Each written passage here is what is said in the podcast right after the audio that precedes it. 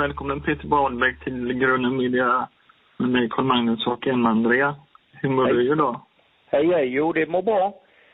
Allting rullar på som vanligt tycker jag. Jag har ju småbarn som eh, har ledigt från skolan idag. Men eh, ja, det är, man gör lite kontorsarbete under dagen och lite sånt där. Det är alltid någonting att stå i och fixa med. Hur ser en vanlig dag ut eh, för dig? Ja, jag är lite trögstartad ska jag väl erkänna. Så jag går väl upp på morgonen och försöker vakna och, och sen så tyvärr dricker jag lite kaffe på morgonen. Men sen, sen dricker jag nästan inte kaffe mer på hela dagen. Jag dricker på morgonen bara. Eh, Tyvärr Mm. är det en, en, en dålig last. Vad kan, du reko- vad kan du rekommendera för kaffe? ja, kaffe ja.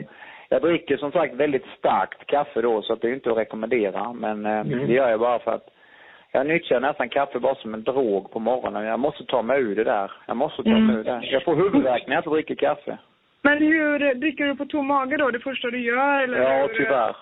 Ah, Du gör det. Jag har faktiskt, jag har slutat med kaffe, jag är så glad. Och, men jag kör lite såna gröna algdrinkar på morgonen. Det kickar igång mig.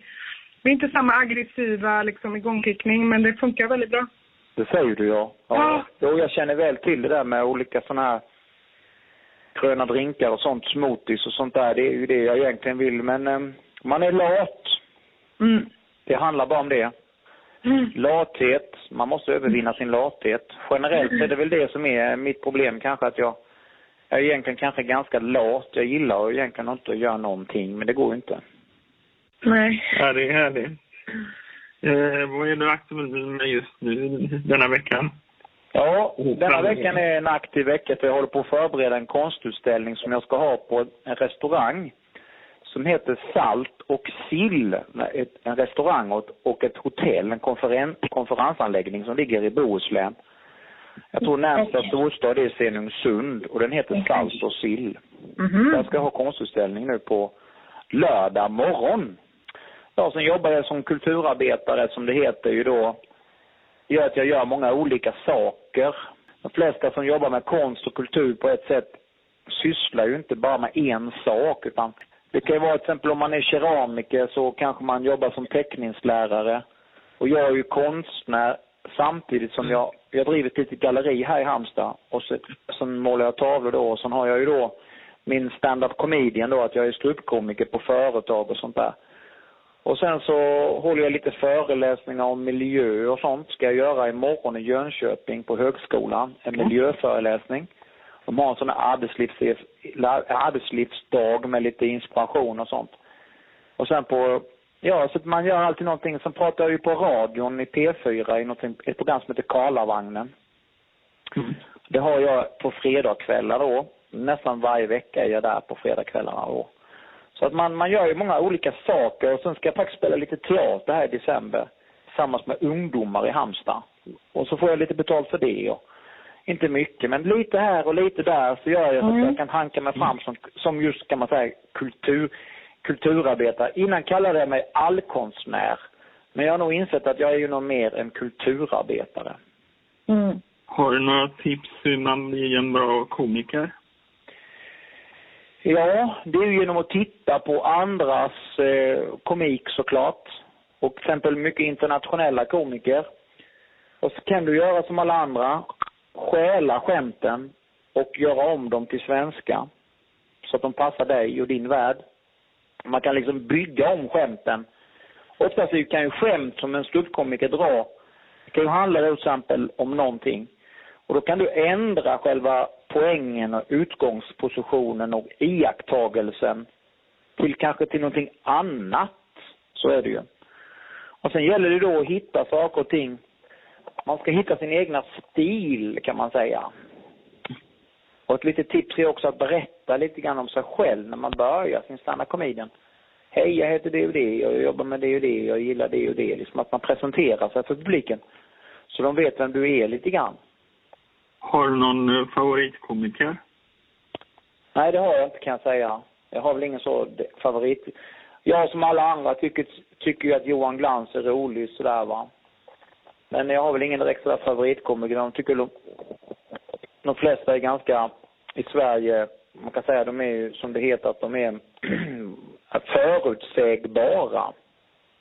Att de kommer upp på scenen. Så det är inte speciellt mycket överraskningar som presenteras utan det är ju mer ganska förutsägbart. Mm. Och det är lite trist. Man, man gillar ju det lite crazy så att säga. Mm. Vem, men äh, internationellt då liksom? Det kan ju vara någon... Men det har jag inte heller. Jag, jag är så Nej. dålig på engelska. Jag tycker de snabb, de pratar så snabb engelska så jag hinner inte med riktigt med. Och Nej. sen är det mycket sån här name dropping då som de kommer från sin kultur. Det är precis som vi då har viss name dropping på olika kändisar och företeelser eller vad det nu kan vara för någonting. Man läser någonting i tidningen eller om kungahuset eller om vad som helst eller politiker. Och det har ju de också i sin värld. Och det, Ja. det är svårt att veta vad de menar alltid, och olika dialekter. Om någon amerikansk komiker pratar om någon som är från Missouri då, eller Texas. Då vet inte vi hur de är. Det, det är ungefär som vi skulle kunna jämföra med norrmännen och sånt där. Liksom. Så att man Mm. hänger inte riktigt med, det måste jag erkänna. Ja. Men hur är det med roasts och sådär? Tycker du att det är kul? Roast? Eller- Ja. Nej, det vet jag inte. Det tycker jag inte är speciellt roligt. Det är roast och sånt. Det är ju en sån här typisk amerikansk grej som har kommit hit och så ska man göra det på ett svenskt vis. Det är ju inte speciellt kul tycker jag inte. Nej. Det är likadant Okej. som med trollerier. Det tycker jag inte heller är så roligt.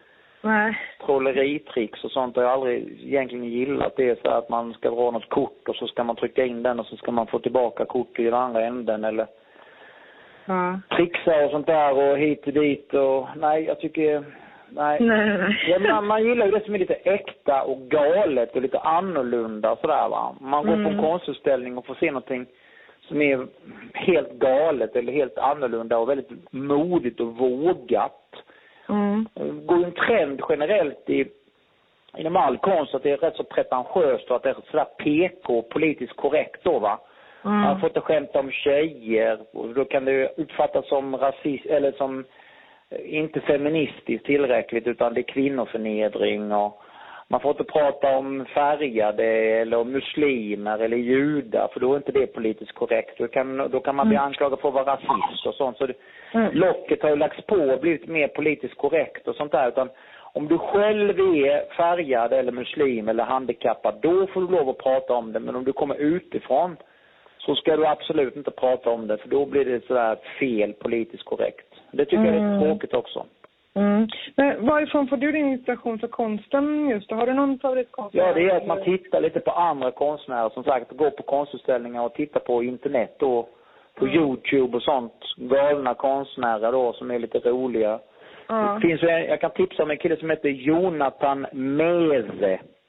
Jonathan stavar sig med TH och sen Mm, Jag känner faktiskt till honom, en eh, kille från Tyskland. Ja, Ja, jag känner till honom för många år tillbaka. Han är Jaha. fantastisk. Ja. ja. Han, eh, han till exempel blir jag inspirerad av. Ja. För att han är så modig, han den här Jonathan Mese. M-E-E-S-E, Mese. Han kan ni googla på och titta på hans filmer på Youtube. De är roliga. Mm. Inspirerad av en sån kille som är modig och som vågar göra och som är lite galen. Mm. Känner du dig lite förtryckt där då? Eller du, du känner dig inte tillräckligt modig då att du liksom lever ut din... Uh, Nej, din, uh, det är helt rätt. Mm. Därför att det handlar om att man, må, man måste liksom klara det ekonomiskt också. Man måste Ja. liksom anpassa sig lite grann när man håller på med konst och kultur och är i 50-årsåldern. Man kan inte bara göra vad man vill. Man måste någonstans anpassa sig efter marknaden. Och den Mm. marknaden som finns i Halmstad och i Sverige, den är ju precis som jag säger lite politiskt korrekt och lite blyg och artig. Men är det, är det konst om man anpassar sig efter en marknad? Det, för mig låter Ja, det är det för att då, det, jag har ju inte detta som en hobby utan jag har ju det som ett Nej. arbete. Ja.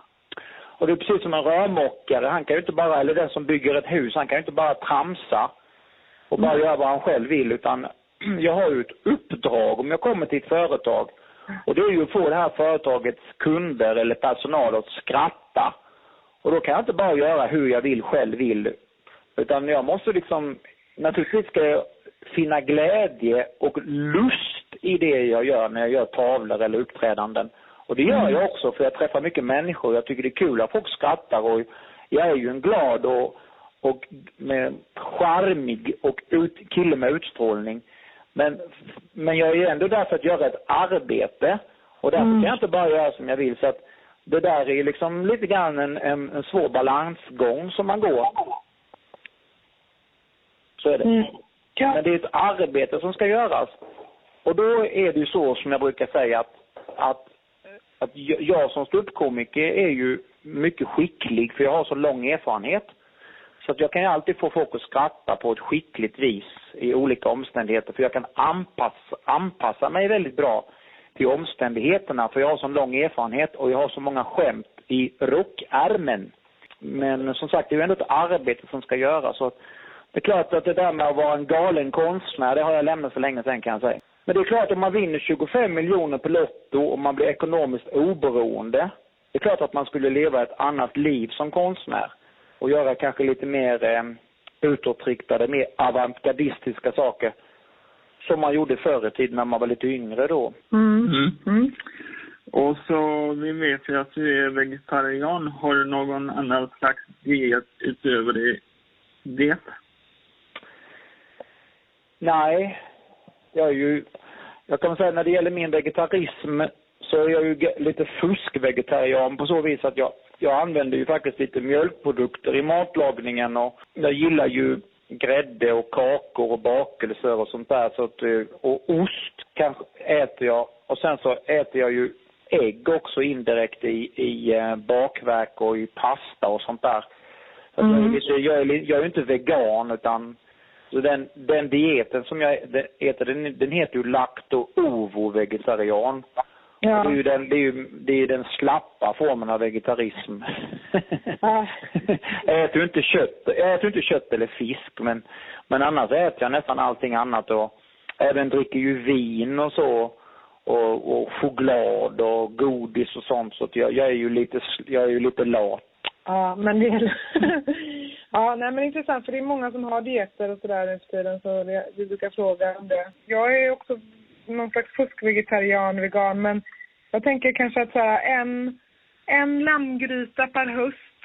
När man har liksom, nej men när man har bett lammet om ursäkt, kanske dödat sig själv till och med tycker jag folk faktiskt, om de ska äta djur, döda dem själva och sen Mm. be om ursäkt innan givetvis och verkligen så här, göra det på ett, ett riktigt uh, vördnadsfullt sätt. Så, Ja. liksom, en, en lammgryta per höst och kanske en på våren och sen får det vara bra. Så. Ja, ja det är det nya nu. Det kan man göra. Det är precis som du säger, det, är, det finns ingenting som... Det ena utesluter inte det andra. Det kan man mycket väl göra. Det blir ju trevligt. Eh, vad lyssnar du på för musik just nu? Ja du, jag, jag måste erkänna att jag alltid varit en, en all-lyssnare. Jag har lyssnat på all slags musik. Just nu lyssnar vi mycket hemma på gamla LP-skivor. För vi har nämligen fått och kommit över gamla LP-skivor på olika vis. Och jag har köpt på lite loppmarknader och sånt där. Och det är väldigt, väldigt roligt. För det första så är omslagen väldigt roliga att sitta och titta på. Och sen så rullar de i bakgrunden. Vi har en sån här skivspelare då. Så går vi och lyssnar på dem. Och så de som inte vi tycker bra, de bara kastar vi. För vi har inte gett så mycket för dem. Så de inte Mm. står i vägen. Och så sparar vi de som är bra. Och så lyssnar man på jazz och så lyssnar man på country och gammeldans och schottisar och sånt där lyssnar på. Och sen är det sån här partyskivor som fanns mycket på 70-talet med sån här, ja du vet, olika slags musik. Sen har vi något som heter Följdfrågan och eh, förra veckan så intervjuade vi eh, Rickard Söderberg och han fick ställa en fråga till dig och han sa att du fantastiska inspiratör, var får du all din kraft och tålamod ifrån? Ja. Man måste ju kämpa på i livet va. När man kommer upp i 50-årsåldern så, som jag gör, då, då inser man ju att livet är ingen dans på rosor. Man måste arbeta. Man måste liksom ta ansvar och sen när man har småbarn som vi har, då kan man inte bara lägga sig ner och dö. Man måste ju liksom kämpa då. Så kraften, inspirationen, den, den får man ju mycket av att liksom överleva. Man måste liksom göra det som man ska på något vis. Sen får man inspiration och, och kraft av människor och kompisar naturligtvis. Av att, att finnas på jorden och sånt. Och att, att, att använda sin stund på jorden i, i det bästa syfte. Och sen är det Mm. klart också att, att jag får min kraft och min inspiration ifrån min andliga inställning om reinkarnationen. Jag tänker ju i reinkarnation hela tiden. och, och, och att vi lever många liv och sånt där då. Och det kan man ju titta på då, den som förklarar detta bäst är ju martinus.dk.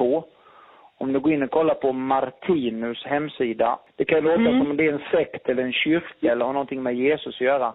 Men det är det ju inte, utan det är ju Nej. en författare, en filosof som har skrivit mycket om detta. Så där Ja. kan man säga att det, där, där får ni liksom den sista pusselbiten. Han, Martinus, den danska författaren, han förklarar det här med reinkarnation på det bästa sättet och det mest logiska viset. Ja, alltså jag är ju, jag är ju yogi. Eh, jag tror ju också någonstans på eh, reinkarnation och det här med karma och så vidare. Men jag, det är ju en, en evig funderan. Alltså, jag tänker ju att, och vi såg på din hemsida där också och läste lite. Jag ska titta närmare på han Martinus. Men, men att jag tänker så här, tror du att allting är karma? Tror du att det finns vissa saker som kanske inte är karma, som är, vissa olyckor händer bara, eller vissa saker eller hur, för det är det jag tänker så här, för det är lite svårt det där när- hur tänker du personligen över det där? Eller tror du att varenda, varenda sandkorn är liksom karma eller så här, allt i minsta detalj eller tror du att det är vissa saker som bara, bara händer eller som bara är otur och olycka? Man har ju till exempel sin fria vilja. Om jag till exempel kä- kämpar emot att inte hålla på med droger eller Mm. alkohol eller så. Mm. Men jag gör allt jag kan för att inte gå med. Till exempel om du går på en fest och så vill de dricka, dricka sprit med dig. Ja. Du väljer att inte göra det. Då har du utnyttjat Ja. din fria vilja och skyddat ditt, din kropp och ditt mikrokosmos från det där. Mm. Men däremot om man råkar ut för hemska saker, olyckor och sådana saker, eller även goda saker. Den som Mm. vinner på Lotto eller den som vinner någonting bra eller kommer över ett hus i något Mm. arv eller någonting. Den har ju Mm. också förtjänat det. Det är ju faktiskt så att du kan inte få någonting i kosmos. Du kan, ingenting får du gratis. Utan allting har du liksom kämpat för på ett eller annat vis. Och det gäller även det obehagliga och det goda. Och det kan man uppfatta som orättvist, men det blir det inte om man ser till evighetsperspektivet. Och accepterar du reinkarnationen, då måste du också tänka i evighetsperspektiv. Vi pratar om miljarder, miljoner år. Mm. Så att svaret på din fråga är faktiskt så att eh, det kan tyckas väldigt orättvist att någon ska råka ut för en olycka eller någonting. Men om du tittar på det i ett verkligt perspektiv så man kan liksom inte he- lösrycka någonting utan om det ska vara 100% kärlek, 100% äkta, 100% evighet, då är det tyvärr så, om man nu ska se det ur det perspektivet, att allting är bestämt in i detaljer när det gäller sådana viktiga saker. Mm. Okej. Ja, men, men visst. Eh, du ska få ställa en följdfråga till nästa vecka. Yes, och det är Claes Malmberg. Ja, Skulle du vilja ställa en fråga till honom? ja. Och då är han, han spelar ju, just nu så spelar ju Claes Malmberg eh, någonting som heter Charlies tant i Malmö. Jag skulle be- fråga honom lite grann hur han förberedde det där och om han tycker att det är en av hans bättre roll, rollprestationer på länge. Mm. Och, och hur det är att spela gentemot mot, eh, mot Janne Malmsjö. Om Mm. han, om han eh, förstår egentligen vad som händer. Okej, fint. Det ska vi fråga honom. Sen har vi fem snabba frågor avslutningsvis här. Ja. Eh, USA eller Ryssland? Ja, då, då måste jag... det låter konstigt, då ska jag faktiskt välja Ryssland. Okej. Eh, svart eller vitt? Ja, då väljer jag ju vitt. Ullared eller NK? Ja, då väljer jag ju NK. Yoga eller jogging? Ja, då väljer jag ju jogging. Jogging. Mm. Ja. Picasso eller Dali? Ja, då väljer jag Picasso. Mm. Toppen. Vi får tacka så jättemycket för intervjun och Ja. Lycka till i framtiden. Ha. tack så jättemycket. Hej. Hej. Hej. Hej.